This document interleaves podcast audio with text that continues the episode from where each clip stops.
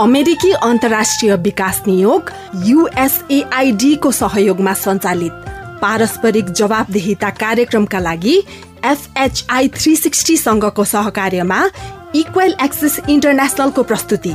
साझा बोली रेडियो बहस।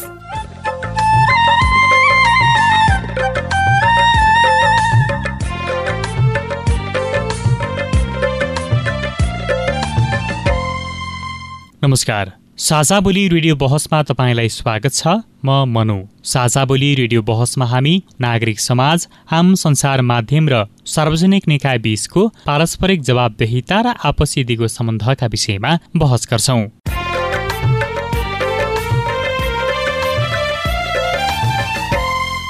पारस्परिक जवाबदेहिताका क्षेत्रीय सवाल र परिवेश समेटेर तयार पारिएको साझा बोली रेडियो बहसको यो स्थानीय संस्करण हो। आजको साझा बोली रेडियो बहस रेडियो रेसुङ्गा एक सय छ दशमलव दुई मेगाहर्सले उत्पादन गरेको हो।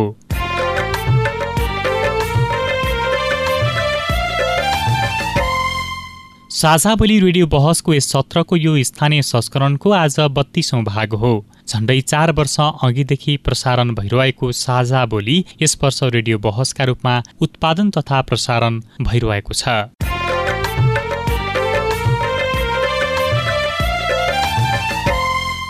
साझा बोली रेडियो बहसको आजको भागमा हामी नवनिर्वाचित जनप्रतिनिधिका प्राथमिकता र जनताका आवश्यकता विषयमा बहस गर्दैछौ। स्थानीय तहमा नवनिर्वाचित जनप्रतिनिधि निर्वाचित भएर आइसकेका छन्। निर्वाचनको समयमा जनता समक्ष विभिन्न घोषणा पत्र मार्फत एजेन्डाहरू लिएर गएका जनप्रतिनिधिहरू निर्वाचित भएपछि भने कस्तो खालको विकास गर्छन् भन्नेमा धेरै नागरिकहरूले महत्वपूर्ण चासोको रूपमा हेरिरहेका छन्। जनप्रतिनिधिका प्राथमिकता र जनताका आवश्यकताहरू बीच कति तालमेल मिलेको छ। उनीहरूको कार्यहरूबाट जनताका समस्याहरू समाधान होलान् त। जनताले गरेका अपेक्षा पूरा गर्न जनप्रतिनिधिले आगामी दिनमा के गर्नु पर्ला त? यी र यस्तै प्रश्न आजका हाम्रा अतिथिहरूलाई राख्ने नै छौँ। बिल्कुल चनाखो भएर चाहिँ खर्च भएको ठाउँमा चाहिँ त्यो मोनिटरी इभ्यालुएसन गर्नै पर्छ। त्यस्तै कार्यक्रममा तपाईँ निर्वाचित जनप्रतिनिधिले दिने प्राथमिकता र जनताका आवश्यकताका विषयमा सिधा प्रश्नको सिधा जवाफ पनि सुन्न सक्नुहुन्छ। साथै जनप्रतिनिधिबाट जनताले गरेका अपेक्षाका विषयमा पनि हामी चर्चा गर्नेछौ। समन्वय गरेर हामी अगाडि बढ्ने चाहिँ प्रतिबद्धता चाहिँ साझा बोली रेडियो बहस। अमेरिकी अन्तर्राष्ट्रिय विकास नियोग युएसएआइडी मार्फत अमेरिकी जनताहरूको सहयोगका कारण सम्भव भएको हो। यस कार्यक्रमभित्रका विषयवस्तु र सामग्री पारस्परिक जवाबदेहिता कार्यक्रमका एकल जिम्मेवारी हुन्। र यहाँ प्रस्तुत भनाइले युएसएआइडी वा अमेरिकी सरकारको विचार प्रतिबिम्बित गर्छन् भन्ने जरुरी छैन। रेडियो कार्यक्रम साझा बोली रेडियो बहसमा तपाईँलाई फेरि स्वागत छ।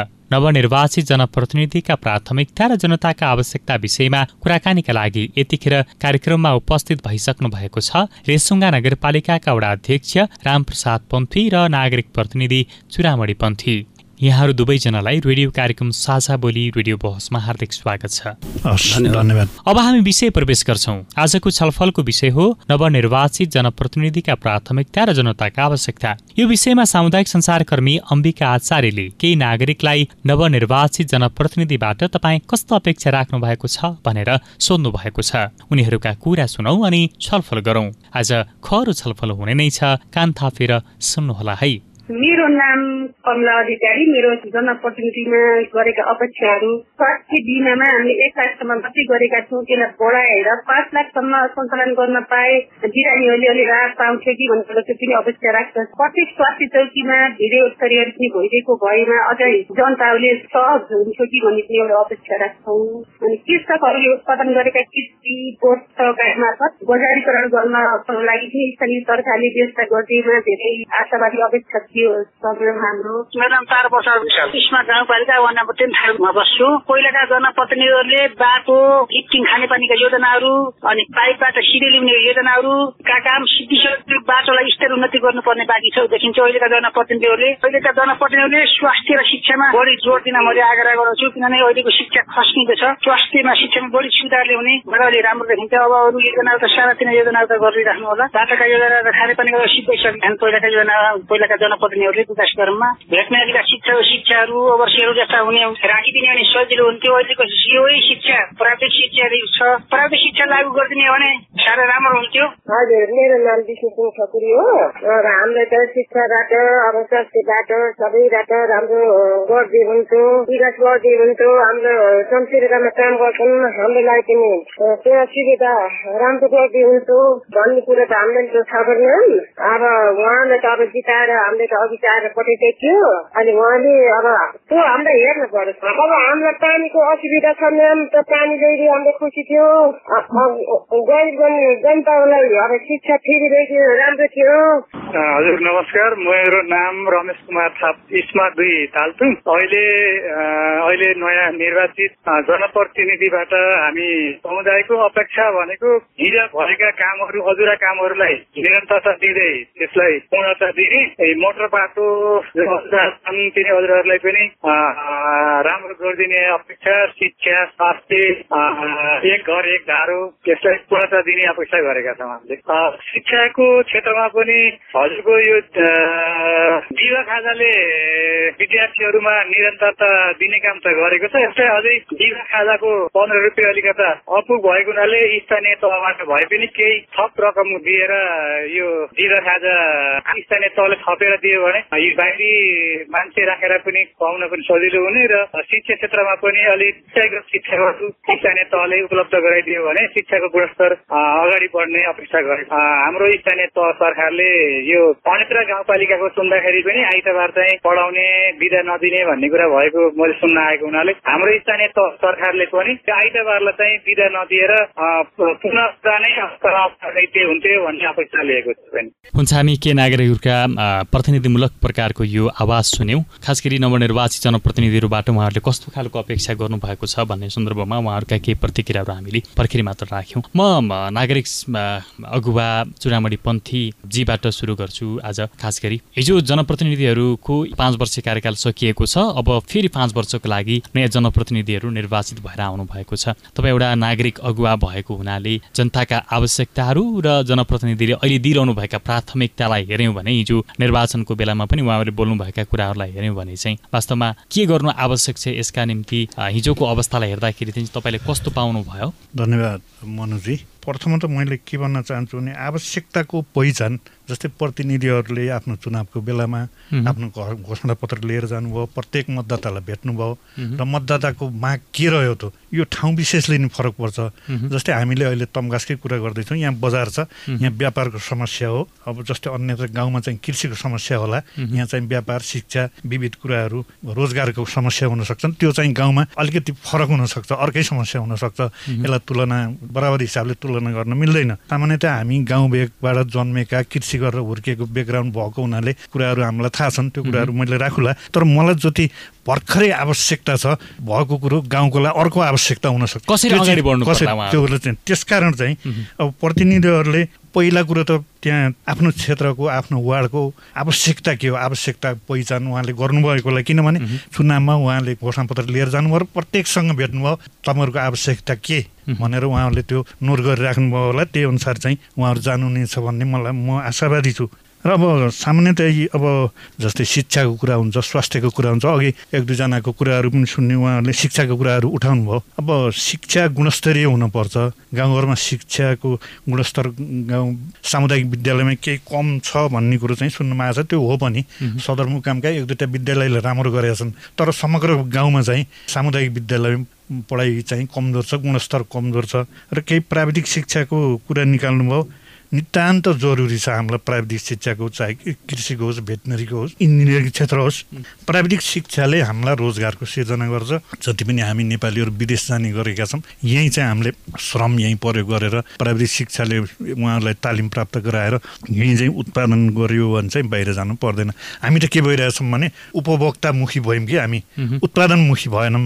हामीले उत्पादनमुखी हुनलाई जरुरी छ जसले गर्दाखेरि वैदेशिक रोजगारको समस्या पनि कम हुन्छ। हुन्छ। तपाईँसँग एकैछिन विषयमा अरू बाँकी बुदागत किसिमले हामी छलफल नै गर्नेछौँ। म नवनिर्वाचित वडा अध्यक्ष रामप्रसाद पन्थी पनि हुनुहुन्छ। खास गरी उहाँ एउटा जनप्रतिनिधिको अहिले प्रतिनिधिमूलक ढङ्गबाट उपस्थित भइरहनु भएको छ। अब यो हिजो निर्वाचित भएर पनि आउनुभयो पाँच वर्षको लागि। जनताका आवश्यकताहरू के के भए भनेर पनि केही भर्खरै हामीले केही नागरिकका कुराकानी पनि प्रतिनिधिमूलक ढङ्गबाटै सुन्यौँ। यद्यपि त्यसभित्रका धेरै कुराहरू समान ढङ्गबाटै छन्। त्यो चाहे बजारमा होस् चाहे ग्रामीण क्षेत्रमा होस् समान ढङ्गकै आवाजहरू त्यहाँनिर समावेश भएका छन्। यहाँका प्राथमिकता चाहिँ के के छन्? खास गरी यो पनि सुनाउन। हामी चुनावको बेलामा मतदाताको घर दैलोमा जाँदा हामीले हाम्रा प्रतिबद्धता पत्रहरू जनता सामु लिएर गएका थियौँ। उहाँहरूको भाषै एउटा के छ भने जस्तै शिक्षा स्वास्थ्य विशेष गरेर रोजगार यी कुराहरूमा उहाँहरूले चाहिँ बढी हामीहरूलाई घचघचाउनु भएको छ। यो विगतका चाहिँ जनप्रतिनिधिबाट यस्तो काम भयो यो भएन यो भएन आएका सामानहरू अथवा भएका चिजहरू निर्माण विकास निर्माणका कुराहरू जुन ढङ्गले हुनु पर्थ्यो जुन ढङ्गले प्रत्यक्ष चाहिँ नागरिकले पाउनु पर्थ्यो त्यो अलिकति थोरै कमी पाएको महसुस भएको छ।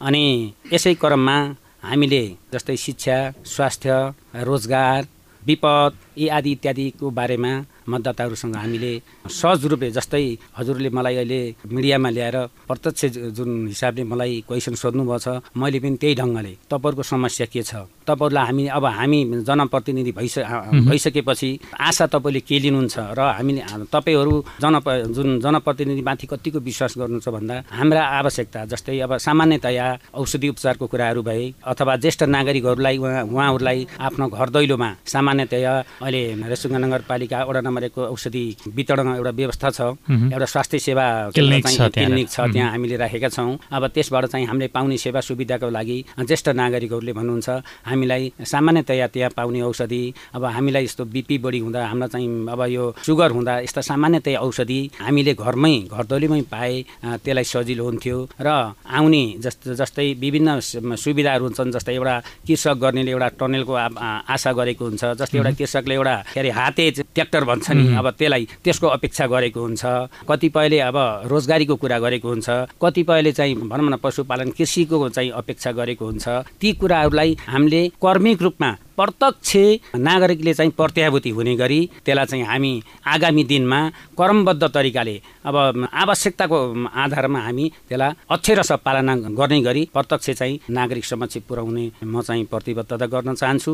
म चुनामणी पन्थीजीतर्फै आउन चाहन्छु। बितेको पाँच वर्षमा खास गरी जनप्रतिनिधिले गरेका कार्यहरूलाई हेऱ्यौँ भने कसरी जानुपर्ने थियो उहाँहरूको चाहिँ खास गरी भनौँ न काम गर्ने शैली उहाँहरूले गर्ने निर्णय बनाउने बजेटका सन्दर्भमा तपाईँले नजिकबाट बाटो पनि हेरिरहनु भयो जो कि अबका जनप्रतिनिधिका निम्ति उहाँहरूका निम्ति एउटा शिक्षा पनि बनोस् एउटा फेरि आगामी दिनमा त्यस्ता खालका कुराहरूका निम्ति केही अथवा सिकेर जानुपर्ने कुराहरू भयो भने त्यसलाई सिकेर जानुपर्ने अथवा कमजोर पक्ष भयो भने त्यसलाई चाहिँ अझ सुधारेर जानुपर्ने त्यसका निम्ति चाहिँ उहाँहरूका निम्ति पनि सहज बनोस्। तपाईँले चाहिँ कस्तो पाउनु? यसमा चाहिँ के भन्नुहुन्छ? धन्यवाद मनोजी। विगतको पाँच वर्षमा खास गरिकन निर्माणमा जोड दियो चाहे बाटो बनाउने चाहे चाहिँ केही पुल पलेसा बनाउने खानेपानीका कुराहरू विद्यालय निर्माणका कुराहरू देखेर निर्माणमा चाहिँ ध्यान दियो। अन्य कुराहरूमा जस्तै महिला शिक्षा भए चेलीबेटी बेचबिखनका कुराहरू भए यी विविध कुराहरूमा चाहिँ अघिल्लो चाहिँ प्रतिनिधिले चाहिँ जोडबल दिएको मलाई लागेन। निर्माणमा जोडबल त दिनुभयो तर त्यसको फेरि क्वालिटीमा उहाँहरूले हेर्दै हेर्नु भएन। त्यो निर्माण गरिसकेपछि त्यसको क्वालिटी ठिक चाहिँ छैन। त्यसको सुपरभिजन इभ्यालुएसन त्यसको केही गर्ने प्रावधानै उहाँहरूले राख्नु भएन। त्यो नितान्त उहाँहरूको कमजोरी हो त्यो आफूले पालिकाले जुन लगानी गरिसकेपछि लगानी अनुसारको त्यो निर्माण स्ट्रक्चर बनाउ बनेन भन्ने कुरा उहाँहरूले यो मोनिटरिङ इन्जिनियरिङ इभ्यालुएसन पटक्कै बिल्कुलै गर्नु भएन। गुणस्तर छ कि छैन। जब बनिसकेपछि त्यसको प्रयोग भयो कि भएन त्यो प्रयोग भएको छ विविध कुराहरू हेर्नुपर्ने उहाँले पटक्कै हेर्नु भएन। अन्य क्षेत्रहरूमा रोजगारका कुराहरूमा महिला शिक्षाका कुराहरूमा विपन्न वर्गका कुराहरूमा त्यति हेरे जस्तो मलाई चाहिँ लागेन। गर्नुभयो होला तोकेको काम औपचारिक हिसाबले केही गर्नुभयो होला तर जनताले प्रत्यक्ष देख्ने हिसाबको चाहिँ त्यो भयो जस्तो मलाई चाहिँ लागेन। वडा अध्यक्षतर्फै आउन चाहन्छु। हिजोको दिनमा जनप्रतिनिधिका गतिविधिहरूलाई पनि यहाँहरूले नजिकबाट निहालेर पनि हेर्नुभयो। त्यो हिसाबले अलिक बढी यो भौतिक पूर्वाधारको सन्दर्भलाई अलिक बढी उहाँले जोड दिनुभएको अवस्था पनि रह्यो। तपाईँहरूले चाहिँ खास गरी यो हामी शिक्षाकै सन्दर्भबाट पनि कुराकानी अघि पनि हामीले सुन्यौँ। शिक्षामा एउटा गुणस्तरको आवश्यकता छ। भनेर पनि विभिन्न नागरिकहरूले आफ्ना कुराहरू पनि राख्नु भएको थियो। शिक्षाको सन्दर्भलाई बाटी प्रवेश गऱ्यौँ भने चाहिँ कसरी लानुहुन्छ यसका निम्ति यसको गुणस्तरलाई वृद्धिका निम्ति यहाँहरू कसरी लाग्नुहुन्छ? शिक्षा क्षेत्रलाई अब विशेष गरेर त हाम्रो रेसुङ्गा नगरपालिका वडा नम्बर एकमा रेसुङ्गा क्याम्पस र रेसुङ्गा बहुमुखी क्याम्पस र महेन्द्र माध्यमिक विद्यालय हाम्रो वडाभित्र पर्दै परेका छन्। शिक्षाको गुणस्तरको निमित्त हामीले गर्नुपर्ने सहयोगको लागि कुनै कमी रहने छैन। र शिक्षाको गुणस्तरयुक्त बनाउनको निमित्त जस्तै अब अहिले वर्तमान परिप्रेक्ष्यमा अहिले हाम्रो विशेष गरेर हाम्रो यो शिक्षा अलिकति चाहिँ गिर्दो अवस्थामा छ किनकि विद्यार्थीको सङ्ख्या पनि एकदमै न्यून छ। ताकि आजभन्दा एक दुई तिन वर्ष अगाडि बिस दुई हजार एक्काइस सय विद्यार्थी रेसुङ्गा बहुमुखी क्याम्पसमा हुन्थे भने अहिले सामान्यतया सात आठ सय विद्यार्थी मात्र चाहिँ यहाँ भएको रहेको पाइन्छ। र यसको प्रत्यक्ष असर यहाँ एउटा त बेरोजगारी विशेष त बेरोजगारी र यहाँको बसाइसराई गर्दाखेरि यहाँका चाहिँ व्यवसायीहरू अथवा यहाँका मान्छेहरू अथवा बाहिरबाट हाम्रो जिल्ला जिल्लादेखि हाम्रो नगरपालिकाभन्दा बाहिर गाउँपालिका अथवा नगरपालिकाबाट आएर बसोबास गरेका व्यक्तिहरू पनि एउटा बसाइसकेको कारणले पनि अहिले हाम्रो शिक्षामा त्यति राम्रो चाहिँ जुन लक्ष्य हासिल गर्नु पर्थ्यो जुन ढङ्गले विद्यार्थीहरू उत्पादन गर्नु पर्थ्यो सङ्ख्या बढाउनु पर्थ्यो त्यो चाहिँ एकदमै न्यून भएको अवस्था छ। यो शिक्षाको शिक्षालाई गुणस्तरयुक्त बनाउनको निमित्त जस्तै रेसुङ्गा क्याम्पसमा विषयगत अब कृषि होइन? जस्तै भेटनरी बिएससी अनि जस्तै अब यो होटल म्यानेजमेन्ट टुरिज्म जस्ता विषय र त्यही किसिमको विषयगतका टिचरहरू अथवा प्राध्यापकहरू ल्याएर यसलाई सबै विषयलाई समेटेर विषयगत टिचरहरू ल्याउन सकियो र यो शिक्षा दिन सकियो भने यहाँ एकदम शिक्षाको गुणस्तर पनि राम्रो हुने। जुन विद्यार्थीहरूलाई पनि एउटा रोजगार भोलिको दिनमा त्यो शिक्षा हासिल गरिसकेपछि भोलिको दिनमा पनि उहाँहरूले किनकि एउटा होटलमा काम गर्ने उसको इन्ट्रेस्ट छ उसको कुनै पढाइ नै छैन। ताकि जुन ठाउँमा जुन व्यक्तिले जुन चाहेको छ त्यो किसिमको सेवा चाहिँ प्रवाह गर्नु सिपयुक्त सिपयुक्त सिपयुक्त प्रकारको चाहिँ यहाँ रेसुङ्गा नगरपालिका भित्र रहेका शैक्षिक क्षेत्रका जुन विद्यालयहरू छन् जुन कलेजहरू छन् जुन निजी क्षेत्रका बोर्डिङ स्कुलहरू छन् यसमा सबै विद्यालयले सबै क्याम्पसहरूले त्यसलाई अलि राम्रोसँग अध्ययन गरेर अगाडि बढ्नुभयो भने बेरोजगारीको पनि त्यस्तो समस्या रहँदैन। त्यसका लागि यहाँले आफ्नो तर्फबाट भूमिका खेल्नुहुन्छ। त्यसको लागि भूमिका निर्वाह गर्ने वचन व्यक्त गर्न चाहन्छु। तपाईँ अहिले पारस्परिक जवाबदेहिता प्रवर्धनका लागि साझा बोली रेडियो बहस सुन्दै हुनुहुन्छ। हामी कुरा गरिरहेका छौँ नवनिर्वाचित जनप्रतिनिधिका प्राथमिकता र जनताका आवश्यकता विषयमा र हामीसँग छलफलमा हुनुहुन्छ रेसुङ्गा नगरपालिकाका वडा अध्यक्ष रामप्रसाद पन्थी र नागरिक प्रतिनिधि चुरामणी पन्थी।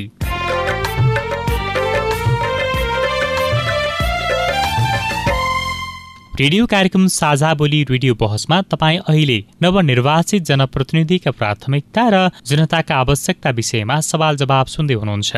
बहसमा अतिथि हुनुहुन्छ रेसुङ्गा नगरपालिकाका वडा अध्यक्ष रामप्रसाद पन्थी र नागरिक प्रतिनिधि चुरामणी पन्थी नागरिक समाजको तर्फबाट प्रतिनिधित्व गरिरहनु भएको छ। नागरिक अगुवा चुडामणी पन्थीजीतर्फै आउन चाहन्छु। उहाँले भन्नुभयो कि केही सम्भावनाका कुराहरू शिक्षालाई जोडेर सँगै अलिकति रोजगारीकै सन्दर्भमा चाहिँ कसरी सिर्जना गर्न सकिएला ताकि समस्याहरूलाई पनि केही निराकरण गर्न सकियोस् भन्ने जोड्नु भयो तपाईँले चाहिँ के देख्नुहुन्छ सम्भावनाका हिसाबले? हिजो जनप्रतिनिधिहरूले के गर्नुपर्ने थियो यो क्षेत्रमा? के हुन सकेन? अब चाहिँ कसरी लाग्नु पर्ला जो यहाँको शैक्षिक एउटा शिक्षाकै सन्दर्भमा यसको गुणस्तर पनि वृद्धि होस् ताकि एउटा ती शिक्षालयहरूबाट उत्पादन हुने जनशक्ति पनि एउटा सिपयुक्त बनुन्। कसरी चाहिँ अगाडि बढ्नु पर्ला? तपाईँको सुझाव के रहन्छ? धन्यवाद मनोजी। यो खास गरिकन यो गुल्मी जिल्लाकै यो रेसुङ्गा नगरपालिकाको वार्ड नम्बर एकमा एउटा त रेसुङ्गा क्याम्पस छ। गर्वको गौरवको विषय। अर्को महेन्द्र मावि छ पुरानो एउटा शैक्षिक धरोहर। इतिहाससँग जोडिएको। यी दुईवटा विद्यालयमा अब विद्यार्थीले त्यहाँ पढेर घर जाने बित्तिकै उसले आफ्नो सिप प्रयोग गर्न सकोस्। जस्तै हामीले पढ्यौँ नि पहिला। अल्जेबेरा पढ्यौँ। अल्जेबेरा कहीँ पनि प्रयोग भएन। जस्तै यहाँ कुनै कृषि पर्ला भेटनेरी पर्ला घर गएर उसले त बाख्रा पाल्न सक्छ बाख्रालाई औषधि दिन सक्छ खसी पार्न सक्छ भैँसी पाल्यो भने दुध बजार ल्याएर बेच्न सक्छ। तर पहिला के भयो भने अल्जेब्रा पढ्यो अल्जेब्रा घर घर परेकै भएन। त्यस्तै अहिले पनि के छ भने रेसुङ्गाङ क्याम्पसमा बिल्कुलै परिवर्तन गर्नुपर्ने छ किनभने त्यहाँ चाहिँ प्राविधिक शिक्षा हरेक शिक्षा लागु त्यहाँ भवन छन् सबै कुराहरू छ त्यो चाहिँ प्राविधिक शिक्षा त्यहाँ लागू गर्नु पर्ने हुन्छ। पुरानो आर्ट्स र कमर्सको कुरा के भयो भने एक त विद्यार्थी कम छन्। अब एघार बाह्रसम्म गाउँमै पढ्ने कुरो हुन्छ अब ब्याचलर र मास्टरमा सर्टेन थोरै विद्यार्थी छन् पुरुषहरू त प्रायः विदेश बाहिर छन् खालि महिलाहरूको सङ्ख्या त्यहाँ बढी होला जहाँसम्म लाग्छ। अब महेन्द्र माविको हकमा चाहिँ ठिकै छ त्यहाँ एउटा आइएससी पनि पढाइन्छ त्यहाँ चाहिँ मैले ठिकै देख्छु। अर्को सामान्यतः यहाँ गरिब यो रोजगार गरेर दिनभरि गिटी फुटालेर अथवा भारी नै बोकेर अथवा लेबर काम गरेर खाने एउटा समूह छ। त्यो समूहलाई पनि अहिले के छ भने यहाँ विकास निर्माणका काम चाहिँ कम भइरहेछन् घर बन्ने क्रम कम छ गिटी फोर्ने मान्छेहरू बेरोजगार बस बेरोजगार भएर बसिरहेका छन्। उहाँहरूलाई पनि सम्बोधन गर्नुपर्ने यहाँ किन जरुरी मैले देख्छु। र अब वडा अध्यक्षजीलाई मैले अब एउटा के भन्न खोज्छु भने अब नयाँ अनुसार युवाहरूले के गर्न खोज्छ यहाँ? वडामा सबै युवाको वृद्ध वृद्धाको लेबरको पुरुषको महिलाको सबैको उहाँ मागहरू होलान्। मैले त के भन्छु भने युवाहरूले अहिले कमसेकम चोक चोकमा चाहिँ नेटको व्यवस्था राखिदिनुहोस्। एउटा सुरुवात गर्नुहोस्। किनभने सुरु गर्नु नै फिफ्टी पर्सेन्ट काम भ्याउनु भन्छ कि एउटा गिरिक उखानमा के भन्छ भने जसले the beginning of beginning is half of every action. भन्छ। तपाईँले एउटा एक ठाउँमा नेट पोइन्ट राखिदिनुहोस् तपाईँहरूको केही युवाहरूको माग चाहिँ सम्बोधन हुन्छ। अर्को साल दुई तिन ठाउँ राख्नु दुई तिन ठाउँ राख्नुहोस्। नेटका कारणले पनि मान्छेले धेरै रोजगारी सिर्जना गर्न सक्छ त्यसलाई प्रयोग उपयोग गर्न सक्छ। यही कुराहरू भन्छु। र अर्को यहाँ मैले देखेको जस्तै विद्यार्थी केटाकेटी पढाउन चाहिँ श्रीमानहरू विदेश गएछन् केटाकेटी पढाउन। उहाँहरूका श्रीमतीहरू बच्चा बच्ची दिउँसो बोर्डिङमा लानुहुन्छ दस बजे चार बजे बच्चा बच्ची लिन जानुहुन्छ। दसदेखि चारसम्म महिलाहरू धेरै महिलाहरू खाली हुनुहुन्छ। त्यो दसदेखि चारसम्म ढाका उद्योग खोलेर हुन्छ कि अथवा त्यो महिलाहरूलाई चाहिँ किन सिप सिकाएर एउटा योजना ल्याउन सकिन्छ कि ताकि उहाँहरूले विदेशबाट आएको रेमिट्यान्स पनि उहाँहरूले विकास निर्माणमा लागोस् घर खर्च नहोस्। अहिले त के छ भने उहाँहरूले पैसा पठाउनुहुन्छ सबै उपभोगमा खर्च भएको छ। कमसेकम त्यो पैसा बचाउनलाई उहाँका श्रीमतीहरूले केही रोजगार यहाँ पाउनुभयो भने त्यो पैसा बन्छ र त्यो पैसा राष्ट्र राष्ट्र निर्माणमा लाग्न सक्छ। कुनै जलविद्युतमा लगानी हुनसक्छ सरकारले ग्यारेन्टी दियो भने बचाए पैसा त लगानी हुन्छ। यो कुराहरूलाई चाहिँ अहिलेका जनप्रतिनिधिहरूले यसरी गर्नुभयो भने एउटा राष्ट्रिय आय अहिले यो अर्थव्यवस्था पनि सुध्रिनुहुन्छ जस्तो मलाई लाग्छ। शिक्षाकै सन्दर्भमा हामीले बढी यहाँनिर फोकस पनि गरिराखेका छौँ। अहिले पनि केही सडक बालबालिकाहरू बाहिर भेटिने अवस्था छ होइन? अब आर्थिक अवस्थाको कारणले गर्दाखेरि शिक्षालयसम्म पुग्न नसकिराखेको सन्दर्भ छ। अहिलेसम्म भएका प्रयासलाई हेर्दाखेरि ती प्रयासहरू कति चाहिँ सफल रहे अथवा पूर्ण भए अबका जनप्रतिनिधिले त्यसलाई कसरी चाहिँ लानुपर्छ? अब शिक्षामा कस्तो छ भने केही सडक बालबालिकाहरू एक दुईपटक विद्यालयमा भर्ना गरेर उहाँहरूलाई चाहिँ सबै सुविधा दिएर पनि फेरि पुनः त्यही सडकमा गएको देखिन्छ किनभने जसले चाहिँ रोजगार गिटी फुटाल्छ त्यस त्यो मैले भने मोनिटरिङ र इभ्यालुएसन कुनै पनि कार्यक्रम लन्च गरेपछि त्यसको मोनिटरिङ इभ्यालुएसन गरिएन भने त्यो कार्यक्रम असफल हुने कारण यो अहिलेका जनप्रतिनिधिले अथवा अहिलेको पालिकाले कुनै पनि बजेट लिन्छ कुनै पनि कार्यक्रम लिन्छ भने त्यो मोनिटरिङ इभ्यालुएसन गर्ने एउटा सिस्टम उहाँले राख्नुपर्छ। सबभन्दा मोनिटरिङ इभ्यालुएसन गरिएन भने त्यो बेकारको बालुवामा पानी खनाए जस्तो त्यो पैसा खर्च गर्न बेकार छ। मोनिटरिङ इभ्यालुएसनमा बिल्कुल चनाखो भएर चाहिँ खर्च भएको ठाउँमा चाहिँ त्यो मोनिटरिङ इभ्यालुएसन गर्नै पर्छ। त्यो कमजोरी विगतमा कमजोरी भयो मैले अघि पनि भने त्यो बिल्कुलै अब त्यो कमजोरी नहोस्। जहाँ लगानी हुन्छ मोनिटरिङ इभ्यालुएसनको एउटा सिस्टम चाहिँ पालिकाले बसाल्नुपर्छ वार्डले पनि बसाल्नुपर्छ। त्यो गऱ्यो भने आफ्नो त्यो फन्डको चाहिँ उपयोग त हुनु पऱ्यो नि। फन्डको उपयोग भयो भने बल्ल त्यसबाट आउटपुटहरू आउँछ र जनताले सुविधा पाउँछन् भन्ने मलाई लाग्छ। यो सडक शिक्षाको हकमा पुरै पालिकाले पुरै जिल्लाले पुरै देशैले सोच्नुपर्ने हो। अब शिक्षामा सिलेबसहरू चेन्ज गर्ने हो कि सिस्टम चेन्ज गर्ने हो कि पुरानो शिक्षाले हामीलाई कति दियो कति दिएन कस्तो खालको शिक्षा ल्याउने हो यो राष्ट्रले पनि सोच्नुपर्ने कुरा हो। अब हामीलाई चाहिँ गोरी खाने शिक्षा चाहियो नि त। पहिला चाहिँ हामीले एउटा पढ्नको लागि पढ्थ्यौँ भने अब पेट पाल्नको लागि चाहिँ हामीलाई चाहियो नि त। किनभने हाम्रो अवस्था त बिल्कुलै नाजुक छ नेपालै गरिब छ खान नपाएर लाखौँ युवा चाहिँ खाडीमै गएका छन्। अब गोरी खाने शिक्षा चाहिँ हामीले ल्याउनै पर्छ यसलाई हामीले सोच्नुपर्ने हुन्छ। वडाध्यक्ष रामप्रसाद पन्थीजीतर्फै आउन चाहन्छु। उहाँले भर्खरै भन्नुभएका कुराहरू तपाईँले पनि अघि राख्नुभएका कुराहरूलाई जोडेर जनप्रतिनिधिका हिसाबले एउटा वडाको वडा अध्यक्षको पनि निकै ठुलो भूमिका हुन्छ समन्वय गर्ने। ती कुराहरूलाई कार्यपालिकाको बैठकसम्म पुर्याउने र त्यसलाई चाहिँ समग्र भनौँ न नगरपालिकामा त्यस अनुसारका नीति विधि कार्यक्रम बजेट छुट्याउनका निम्ति पनि निकै ठुलो भूमिका हुने भएको हुनाले तपाईँले यसका निम्ति कसरी अगाडि बढ्नुहुन्छ? शैक्षिक गुणस्तर कायम गर्नको निमित्त हामीले वडाबाट हामीले गर्नुपर्ने सहयोग त त्यो निरन्तर रहि नै रहनेछ। र विशेष गरेर यो रेसुङ्गा नगरपालिकाको कार्यालयले यो शिक्षालाई गुणस्तर शिक्षाको निमित्त हर प्रयत्न गर्नुपर्ने आजको आवश्यकता मैले देखेको छु। यसका विभिन्न चाहिँ पाठहरू छन् जस्तै व्यावसायिक शिक्षातर्फ उन्मुख गराउनु पर्ने लक्षित समुदायको पूर्ण पहुँचमा पुर्याउनु पर्ने बढ्दो घाटा कम गर्न विद्यार्थी सङ्ख्या बढाउनु पहल बढाउन पहल गर्ने शैक्षिक गुणस्तर कायम गर्न हरपल प्रयत्न गर्नुपर्ने वार्षिक परीक्षाका नतिजाहरू सुधार्नुपर्ने विगतमा प्राप्त गुणस्तर प्रमाण क्युए को शर्त शर्त र परिधिमा रही शैक्षिक गुणस्तर कायम गर्नुपर्ने देखिन्छ। यस्तै गरी प्रधानध्यापक कर्मचारीहरूको एउटा सहकार्यमा होइन? सहकार्यमा उहाँहरूको सेवा सुविधा लगायत शिक्षाको गुणस्तरलाई मध्यनजर राखेर अगाडि बढ्नुपर्ने देखिन्छ। मैले अहिले पनि जोडिसकेँ जस्तै अब विषयगत एउटा रोजगारीको निमित्त विषयगत चाहिँ विषयहरू भयो भने जस्तै कृषि भयो भेटनरी भयो बिएससी मैले अहिले पनि भनिसकेँ होइन? फुड टेक्नोलोजी भयो टुरिज्म भयो होटेल म्यानेजमेन्ट भयो जस्ता विषयहरू थप गरियो भने यहाँको एउटा व्यापार व्यवसाय पनि राम्रो हुने शिक्षाको गुणस्तर पनि राम्रो हुने र यो एउटा रेसुङ्गा नगर्नै अब यो शिक्षाको गुणस्तर राम्रो भयो भने त्यही किसिमको पढाइ त्यही किसिमको सिप पायो भने यहाँ रोजगारीका अवसरहरू पनि पर्याप्त अवसरहरू सिर्जना हुने हुँदा यसलाई चाहिँ शिक्षाको गुणस्तरमा धेरै ध्यान दिनुपर्ने मैले देखेको छु। खास गरी शिक्षासँगै स्वास्थ्यका कुराहरू पनि उहाँहरूले आफ्ना विभिन्न कुराहरू जोड्नु भएको छ। उहाँहरूका कार्यक्रमहरूलाई हेर्दाखेरि ती जनतासँग आवश्यकता जोडिएका अथवा हाम्रा आवश्यकताहरूसँग जोडिएका तालमेलका हिसाबले चाहिँ कति उपयुक्त छन्। नागरिक समाजका हिसाबले हेर्दाखेरि नागरिक अगुवाका हिसाबले तपाईँले प्रतिनिधित्व गरिरहनु भएको छ त्यो हिसाबले हेर्दाखेरि चाहिँ के पाउनुहुन्छ तपाईँ? यसलाई कसरी चाहिँ अगाडि गरिकन शिक्षाको कुरा अहिले उठिहाल्यो। म फेरि एउटा विषय थोरै फरकमा गएँ। अब यो नि शुल्क शिक्षा अब अहिले के छ भने अब वार्ड नम्बर एकका अथवा तम्गासकै कुरा गरौँ रेसिङ नगरपालिका सामुदायिक विद्यालयले केही शुल्क लिएको मैले पाइरहेको छु अहिले हिजो सरकारले त आठ छ क्लाससम्म चाहिँ दिवा खाजा दिने भनेर घोषणा पनि गरिसक्यो। त्यो एकदम राम्रो त्यो एकदम राम्रो बाटो छ। तर के भने अब कोही यो शुल्क अलिकति लिएको अवस्था छ। किनभने निजी स्रोतमा उहाँहरूले शिक्षक राख्नु भएको छ। अब उहाँहरूलाई केही तलब दिनुपर्ने अवस्थाले केही लिनुभएको होला। तर के भने अहिले जस्तै भर्ना फी भनेर केही जोड्नुहुन्छ दुई तिन किस्तामा लिनुहुन्छ। त्यसले गर्दा अभिभावकले के भन्दा यो त फिस लिएकै हो भन्नुहुन्छ। जस्तै महेन्द्रमा हामी आठ क्लाससम्म नि शुल्क गरेकै हो तर भर्ना फी भनेर लिनुहुन्छ। जस्तै क्याम्पसले पनि केही शुल्क लियो होला लिने होला। अब यो केही भर्ना फी भनेर जुन अभिभावकले तिर्नु भएको छ त्यो भर्ना फीलाई चाहिँ विपन्न परिवारको जो विद्यार्थी त्यहाँ भर्ना हुन्छ त्यो भर्ना फी चाहिँ वार्डले नि शुल्क गर्ने हो कि। जहाँ कि उसलाई तिर्न नपर्छ विद्यालयले केही पैसा पाओस् निजी स्रोतका शिक्षकहरूलाई तलब खुवाउन। र त्यो विपन्न वर्गको चाहिँ यदि विद्यार्थी भर्ना हुन गयो भने भर्ना फी चाहिँ वार्डले हेर्ने हो कि त्यो तिर्दियो भने उसले त नि शुल्क पढाए सर हुन्छ त्यो कुरा चाहिँ वडा अध्यक्षजीले राख्नु पनि सक्नुहुन्छ।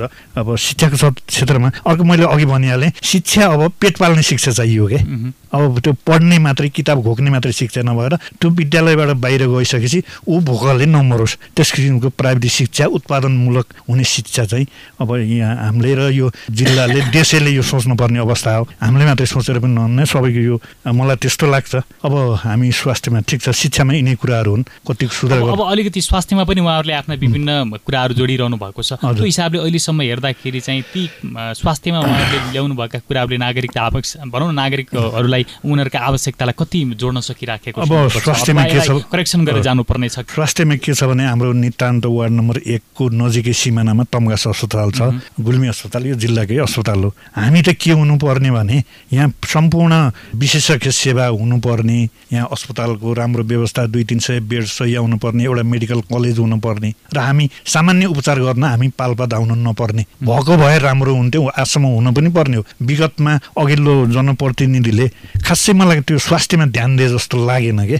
किनभने यो जिल्लाकै सदरमुकाममा एउटा भवन त बन्दैछ तरै पनि के भने हामी एउटा सामान्य फ्याक्चर भयो भने पाल्पा मिसनमा जानुपर्ने बरबासमा जानुपर्ने काठमाडौँ जानुपर्ने एउटा डेलिभरी केसलाई बुटोल दौडाउनु पर्ने यस्तो त नहुनु पर्ने हो। त्यो चाहिँ मलाई यसमा चाहिँ उहाँहरूले ध्यान दिनुहुनेछ भन्ने मलाई लाग्छ। अर्को कुरो बिमा स्वास्थ्य बिमा। स्वास्थ्य बिमा प्रभावकारी पटक्कै भएको छैन। पटक्कै किन भएको छैन भने अब त्यो उहाँहरूले के भन्नुहुन्छ रिफर कार्ड लिएर आऊ। जस्तै पाल्पा गएर उपचार गरिदियो यहाँ तम्गासको रेफर कार्ड लिएर जाऊ। तपाईँको रेडीको बिरामी छ पाल्पा गयो भने यहाँको रिफर तम्गासबाट रिफर कार्ड लिएर जानु सम्भव त भएन नि। यी कुराहरू छन्। अर्को हस्पिटलले के भन्छ बिमाको पैसा हामीले पाएकै छैनौँ सरकारले दिएकै छैन। तपाईँले आधी पैसा तिर्नुहोस् भन्ने पनि त्यहाँ स्टाफबाट सुन्छु। म बेला बेला पाल्पा हस्पिटलतिर जान्छु। यस्ता कुराहरू बाजिएका कुराहरू छन्। यो स्वास्थ्य बिमामा चाहिँ यो राष्ट्रले पनि राम्रो नीति लिएको हो कि नलिएको यो जनताले पाउनु पऱ्यो नि। खालि फुकेर मात्रै भएन।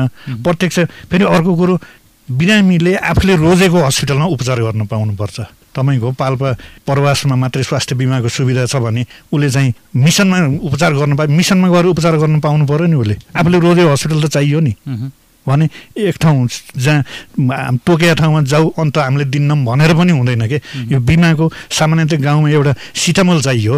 सिटामल चाहियो भने त्यसले त्यहाँ पैसा हाल्नुपर्छ। उसले गाउँमा किनेर ल्याएको बिल पनि बिमाले तिर्दिनु पऱ्यो गाउँको मेडिकलबाट चिन ल्याउँछ नि उसले सिटामलको बिल। त्यो चाहिँ बिमाले तिर्दिनु पर्छ कि? उसलाई उहाँ सिटामल चाहिन्छ। सिटामल बिमाबाट लिन पाल्पा मिसनमा जाने। प्रवास जाने उसले गाउँकै मेडिकलमा किनेर त्यो बिल पेसहरू उसले पाउनु पर्यो नि? यो जुन व्यवहारिक हुनुपर्छ कि? अझै पनि अझै पनि किसिमले केही समस्या देखिएको नीतिगत समस्या होला कि? जस्तै गाउँमा तपाईँको सिटामल कि मैले भनिहालेँ एक्जाम्पल हो। सिटामल किन्न त मिसनमा जानु त पाँच हजार खर्च गरेर एउटा दस रुपियाँ सिटामल किन्न मिसनमा जाने। हुन्छ गाउँकै मेडिकलमा किन्न पाउनु पर्यो नि। वडाध्यक्ष रामप्रसाद पन्थीजीतर्फै आउन चाहन्छु। यो स्वास्थ्यको सन्दर्भमा कुराकानी गरिरहँदाखेरि हिजो भइराखेका कुराहरूलाई अझ यहाँले गुणस्तरीय बनाउनका निम्ति ती सेवा सेवाहरूलाई प्रभावकारी बनाउनका निम्ति स्वास्थ्य बिमा पनि निकै जोडिराखेको छ। यसलाई पनि अझ पहुँच नपुगेका स्थानसम्म पुर्याउनलाई र यसको प्रभावकारिताको निम्ति अझ यसबाट पाउनुपर्ने सेवा चाहिँ गुणस्तरीय प्राप्त होस् भन्नका निम्ति चाहिँ यहाँहरू कसरी लाग्नुहुन्छ? जस्तै अब स्वास्थ्य क्षेत्रमा जब कि अहिले भर्खरै अब स्वास्थ्य बिमाको कुरा उठेको छ जस्तै जुन स्वास्थ्य बिमा एउटा नागरिकले बनाएको छ भने उसले स्वस्फूर्त रूपले उसले नेपाल अधिराज्यका कुनै पनि स्वास्थ्य केन्द्रबाट उसले सहज रूपले चाहिँ उपचार पाउनुपर्छ। किनकि एउटा मानौ एउटा असी बयासी वर्ष पुगेको एउटा चाहिँ बिरामी आउँछ। अब यहाँ मानौ यहाँ नाम लेखाउने हो हस्पिटलको एउटा चाहिँ काउन्टरमा गएर नाम लेखाउने हो अनि तपाईँको स्वास्थ्य बिमा भन्छ उहाँ तल भन्छ कहिले माथि भन्छ होइन? उनी उसलाई भनौँ न वृद्धलाई अन्य सामान्य त अब यताउता एक किलोमिटर आधा किलोमिटर पाँच सय मिटरकोमा यताउता दौडधुप गर्न उसलाई समस्या हुन्न जस्तै अब डेलिभरी केसहरू हुनसक्छ होइन? जस्तै अब अपाङ्गहरू हुनसक्छ जस्तै ज्येष्ठ नागरिक हुनसक्छ। उहाँहरूलाई हामीले यसो मसिनेरी यसरी हामीले हेर्दाखेरि त्यो जुन स्वास्थ्य बिमाबाट पाउनु पर्ने जुन प्रत्याभूति र जुन त्यो अपेक्षा हो जनताले चाहे जस्तो तर त्यसमा अलिकति कमी हो कि भन्ने म यसका निम्ति वडा कार्यालयका हिसाबले अथवा चाहिँ समग्र रेसुङ्गा नगरपालिकाको तपाईँ एउटा जनप्रतिनिधि पनि हो महत्त्वपूर्ण भूमिकामा अब तपाईँ हुनुहुन्छ। कस्तो खालको भूमिका खेल्नुहुन्छ? यसको लागि जस्तै यो स्वास्थ्य बिमाको लागि हामीले जुन आम चाहिँ कतिपय त यससँग अझै पुग्न पनि जोडिन पनि सकिरहनु भएको छैन। जोडिन पनि बाँकी छ र हाम आम चाहिँ हाम्रो चाहिँ वडावासी मैले विशेष गरेर समग्रमा भन्दा पनि हाम्रो वडावासी दाजुभाइ आमा बुवा दिदी पनि जो हुनुहुन्छ उहाँहरूलाई जति कति कतिपय उहाँहरूले स्वास्थ्य बिमा कतिपयले गर्नुभएको होला कतिपयले गर्नु भएको छैन होला। त्यसको हामी एकिन चाहिँ डाटा लिन्छौँ र हाम्रो जुन रेसुङ्गा नगरपालिका वडा नम्बर एकबाट स्वास्थ्य बिमाको लागि हाम हाम्रो एक नम्बर वडाबाट उहाँहरूलाई दिन सक्ने सुविधाहरू। अब म यति नै भनेर त म तोक्न सक्दिनँ। भोलि बजेटको चाहिँ एउटा बाँडफाँड होला। बजेटको परिधिमा रही केही पर्सेन्टसम्म चाहिँ हामीले हरेक त्यो पनि हरेक विपन्न विपन्नको चाहिँ पहिचान गरी भनौँ न अलिकति सम्पत्ति भएको अलिकति हुने खाने व्यापार बिजनेस गरेको मान्छे आय आर्जन भएको मान्छे विदेशमा एक दुईवटा दुई तिनवटा छोराहरू भएको डक्टर भएको रेमिन्टान्सहरू आउने व्यक्तिलाई त हामी त्यसरी चाहिँ प्राथमिकता आधारमा राख्न सक्दैनौँ। जो हाम्रो वडाभित्र विपन्न वर्गको छ जसले एउटा सिटामल किनेर खान सक्ने एउटा कार्यविधि बनाएर अगाडि बढ्नु हो एउटा कार्यविधि बनाएर हामीले तिनीहरूको चाहिँ यकिन गरेर विपन्नको मात्रै मैले भनेको छु यसको अर्थको अनर्थ नलागोस् भने विपन्न जो एउटा सिटामल किनेर खान सक्ने अवस्था छैन जसलाई अहिले यहाँ रेफर गरेर एउटा एम्बुलेन्स लिएर चाहिँ पाल्पा अथवा काठमाडौँ पोखरा बुटोबल कहाँ हो त्यहाँ गएर उपचार गर्न सक्ने उहाँहरूको चाहिँ स्थिति छैन। त्यस्तो व्यक्तिलाई हामी रेसुङ्गा नगरपालिका वडा नम्बर एकको तर्फबाट त्यो डाटा कलेक्सन गरेर हाम्रो तर्फबाट उहाँहरूलाई जस्तै स्वास्थ्य बिमा गराउने कुराहरू भए जस्तै औषधि उपचारका कुराहरू भए उहाँहरूलाई अब मानौँ दैनिक चाहिँ भनौँ न जीवनोपार्जनका कुराहरू भए ती कुरालाई मध्यनजर राखेर हाम्रो वडामा भएको स्रोत र साधनलाई सही सदुपयोग गरेर विशेष गरेर त्यो क्षेत्रमा चाहिँ लगानी गराउने हाम्रो चाहिँ रेसुङ्गा नगरपालिका वडा नम्बर एकको टिमले यसलाई हरदम पहल गर्नेछ र अगाडि बढ्ने चाहिँ प्रतिबद्धता चाहिँ जाहेर गर्न चाहन्छु। साझा बोली रेडियो बहसमा अहिले हामी कुरा गरिरहेका छौँ नवनिर्वाचित जनप्रतिनिधिका प्राथमिकता र जनताका आवश्यकता विषयमा र हामीसँग छलफलमा हुनुहुन्छ रेसुङ्गा नगरपालिकाका वडा अध्यक्ष रामप्रसाद पन्थी र नागरिक प्रतिनिधि चुरामणी पन्थी। साझा बोली रेडियो बहस सुन्दै गर्नुहोला।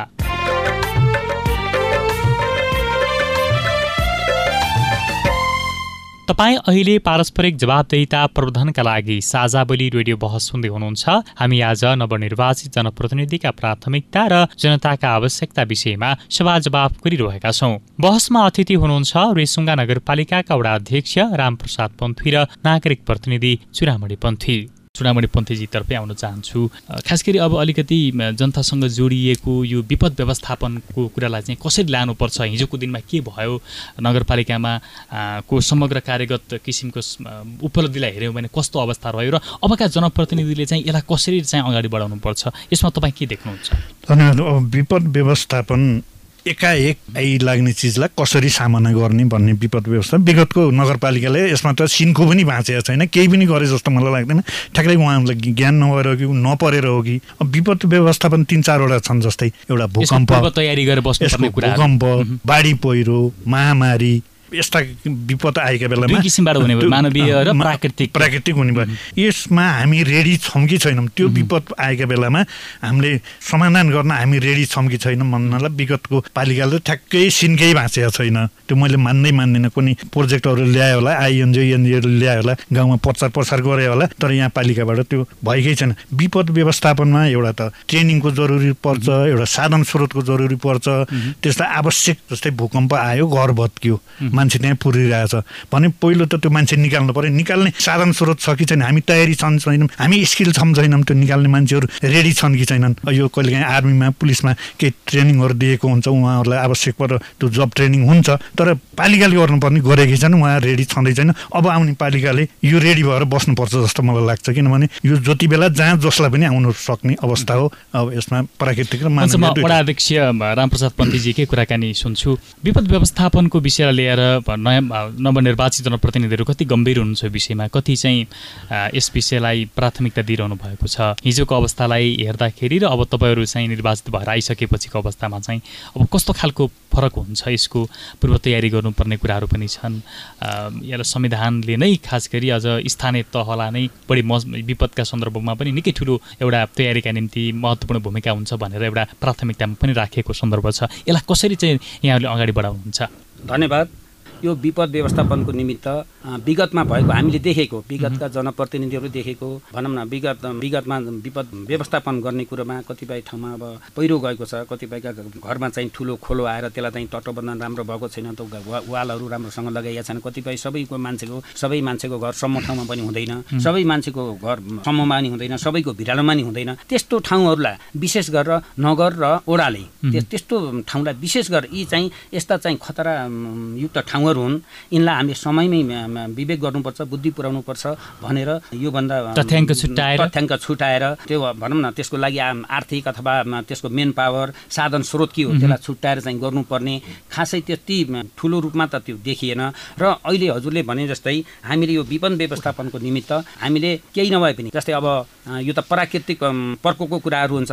कति बेला चाहिँ भनौँ न कसैको चाहिँ घर बगाउनु सक्ला कसैको घरभित्र पानी नालीको राम्रो व्यवस्था मृत्यु समेत भएको घटना हामीसँग छ। मानवीय मृत्युसम्म भएको घटनाहरू हामीसँग छन्। अनि त्यसको लागि हामीले के सोचेका छौँ भने जस्तै अब यो विपद व्यवस्थापनको निमित्त हामीले अब आगामी बजेटमा छुट्याउने र जहाँ समस्या भयो जहाँ भनौँ न अब प्राकृतिक प्रकोप विपद व्यवस्थापन आदि इत्यादि ती कुराले गर्दा कुनै पनि नागरिक नागरिकले त्यो महसुस नहोस् कि मलाई यस्तो भए पनि मैले तुरन्त चाहिँ सेवा पाएँ। मलाई चाहिँ अथवा नगरले गर्यो अथवा ओडाले गर्यो भनेर उसलाई इमिडिएटली चाहिँ उसले चाहिँ सेवा पाएको चाहिँ महसुस गराउने तर्फ हामी अगाडि बढेका छौँ। र अव्यवस्थित तारहरू छन्। जसले निम्ताउन सक्ने सम्भावना छ। त्यस्ता तिनीहरूलाई सुधार गर्ने र जुन हाम्रो विद्युत प्राधिकरणबाट चाहिँ लगाइएका जुन बिजुलीका खम्बाहरू छन् कतिपय ती जीर्ण भइसकेका छन्। होइन त्यसले पनि भोलि जोखिमता निम्ताइरहेको छ। त्यसले पनि भोलि किनकि समाजमा ठुलो अप्रिय घटना घट्न सक्छ। त्यसलाई पनि हामीले मध्यनजर राखेर त्यसको सुपरभिजन गरेर हामीले नेपाल टेलिकम र विद्युत प्राधिकरणसँग पनि हामीले समन्वय गरेर। प्राविधिक सल्लाह पनि हामी लिएका छौँ। त्यसको बारेमा हामी अध्ययन अथवा त्यसको अनुगमन सरसल्लाह सुझावहरू लिइरहेका छौँ। अहिले त हामी अब त्यो गर्न सक्ने अवस्थामा छैन ताकि अहिलेको यो आर्थिक वर्षको बजेट त वडामा हामीसँग कुनै शीर्षकमा कुनै पनि पैसा छैन। जुन पहिलाको जुन बजेट हो ती कामहरू पनि केही कामहरू अधुरा अधुरा छन्। केही कामहरू चाहिँ सञ्चालन भइरहेका छन्। अब हामीले एउटा यो योजना बनाएर योजना राम्रोसँग योजना गराएर त्यसलाई चाहिँ अध्ययन गरेर अनुगमन गरेर त्यसलाई राम्रोसँग चाहिँ हामी अगाडि बढाउने प्रयत्न गरेका छौँ। विपद व्यवस्थापनकै सन्दर्भलाई लिएर हेर्दाखेरि हिजोको दिनमा अलिकति देखिएका कमजोरी र अबका जनप्रतिनिधिले त्यसमा खेल्नुपर्ने भूमिका भूमिकाका विषयमा यहाँले भन्नुभयो। कसरी लाग्नु पर्ला यसमा तपाईँको भनाइ के छ? धन्यवाद। यसमा के छ भने विपद छुटेछ अघिल्लो वर्ष कोरोना कोरोना पनि एउटा विपद हो। कोरोनामा अघिल्लो पटक अस्तव्यस्त भयो क्या यहीँ तमघासमै। अस्तव्यस्त भयो। त्यस किसिमको विविध सरकारी गैर सरकारी संस्थाहरूले सहयोग गर्दा गर्दै पनि यहाँ चाहिँ अस्तव्यस्त भयो। बिरामीहरूले सही समयमा खान पाएन सही समयमा त्यो टोइलेटको व्यवस्था भएन खानेपानीको व्यवस्था भएन बेडको व्यवस्था भएन। त्यो कुराहरू चाहिँ यस्तै विपद भनेको विविध रोगहरू आउन सक्छन् महामारी आउन सक्छन् भला युद्धै हुनसक्छ देशमा। अनिकाल लाग्न सक्छ। अब बाढी पहिरोको कुरा त अघि हामीले गरिसक्यो। यस्तो पऱ्यो भने हामीले के गर्न सकौँला भनेर चाहिँ पालिका अथवा वार्ड चाहिँ तयारी तयारी पुरो तयारीमा बस्नुपर्छ किनभने विगतले सिकाएको छ कोरोना कालले चाहिँ हामीलाई सिकाएको छ हुन्छ अध्यक्षजी अब खास गरी धेरै कुराहरू हामीले गऱ्यौँ यी सबै कुराहरूको सन्दर्भमा विपदकै कुराकानीको सन्दर्भमा पनि एउटा वडा कार्यालयको भनौँ न एउटा वडा अध्यक्षको निकै ठुलो एउटा समन्वयकारी भूमिकाका हिसाबले निकै ठुलो एउटा भूमिका पनि हुने भएको हुनाले चाहिँ यहाँहरू कसरी अगाडि बढ्नुहुन्छ? धन्यवाद। विपद व्यवस्थापनको निमित्त हामी विपद विपद व्यवस्थापनको निमित्त हामी एकदम छलफल गऱ्यौँ बस गऱ्यौँ। अब विपद व्यवस्थापनको निमित्त त नागरिक समाज अब स्थानीय तह पुलिस प्रशासन आम सञ्चार माध्यम सबैको सरसल्लाह होइन सबैको चाहिँ एउटा यो विपद व्यवस्थापनलाई कसरी चाहिँ राम्रो गराउन सकिन्छ? विपद व्यवस्थापनमा परेका कठिनाइहरू परेको चाहिँ समस्यालाई कुन ढङ्गले यसलाई चाहिँ इमिडिएट तुरुन्तै यसलाई चाहिँ सावधान गर्न सकिन्छ भन्ने कुरामा सबै मैले भनिसकेँ। पत्रकार अब नगरपालिका ओडा पुलिस प्रशासन र आम नागरिक समन्वय गर्ने कुरामा यहाँहरू अगाडि बढ्नुहुन्छ। समन्वय गरेर हामी अगाडि बढ्ने चाहिँ प्रतिबद्धता चाहिँ हुन्छ। शिक्षा स्वास्थ्य विपद व्यवस्थापनका यी कुराहरूलाई हामीले प्राथमिकता दिएर हामीले कुराकानी गऱ्यौँ। यसमा देखिएका कमजोरीहरूलाई सुधार गर्दै अब नयाँ जनप्रतिनिधिहरूका निम्ति अझ नयाँ बेटर गर्नका निम्ति उहाँहरूलाई सुझाव दिने कुरा पनि भयो। यसका निम्ति नागरिकहरूको पनि आफ्नो कर्तव्य हुन्छ। हामीले यो भन्दै गर्दाखेरि तपाईँ चाहिँ आफ्नो तर्फबाट कस्तो भूमिका निर्वाह गर्नुहुन्छ? मैले त अब उहाँहरूलाई प्रतिनिधिलाई चाहिँ आफ्नो यहाँ के गर्नुपर्छ के गर्ने आवश्यकता छ भनेर जति बेला जहाँ भेट्छु उहाँहरूलाई मैले सल्लाह पनि दिन्छु र मलाई आवश्यक नागरिकलाई लिने चिज उहाँसँग सेवा सुविधा हामीले के गर्नुपर्छ नागरिकले उहाँसँग लिने र हामीले उहाँलाई सजाव सुझाव र सल्लाह दिने त हाम्रो कर्तव्य नै हो र हामी नागरिकहरूले दिन्छौँ। हामीले सूचना दिनु पऱ्यो र उहाँले डेलिभरी पनि गर्नु पऱ्यो यो हामीले गर्छौँ। हुन्छ। साझा बोली रेडियो बहसमा सहभागी हुनुभयो रेसुङ्गा नगरपालिकाका वडा अध्यक्ष रामप्रसाद पन्थी नवनिर्वाचित वडा अध्यक्ष पनि हुनुहुन्छ। त्यसै गरी नागरिक अगुवा चुडामणी पन्थी। यहाँहरू दुवैजनालाई धेरै धेरै धन्यवाद छ। धन्यवाद।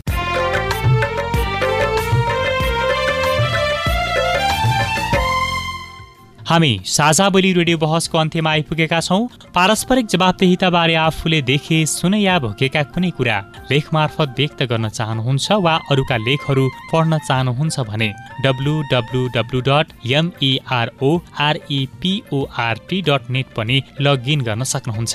साझा बोली रेडियो बहस तपाईँले मेरो रिपोर्ट वेबसाइट पोडकास्ट च्यानल र सामाजिक सञ्जालहरूमा पनि सुन्न सक्नुहुन्छ।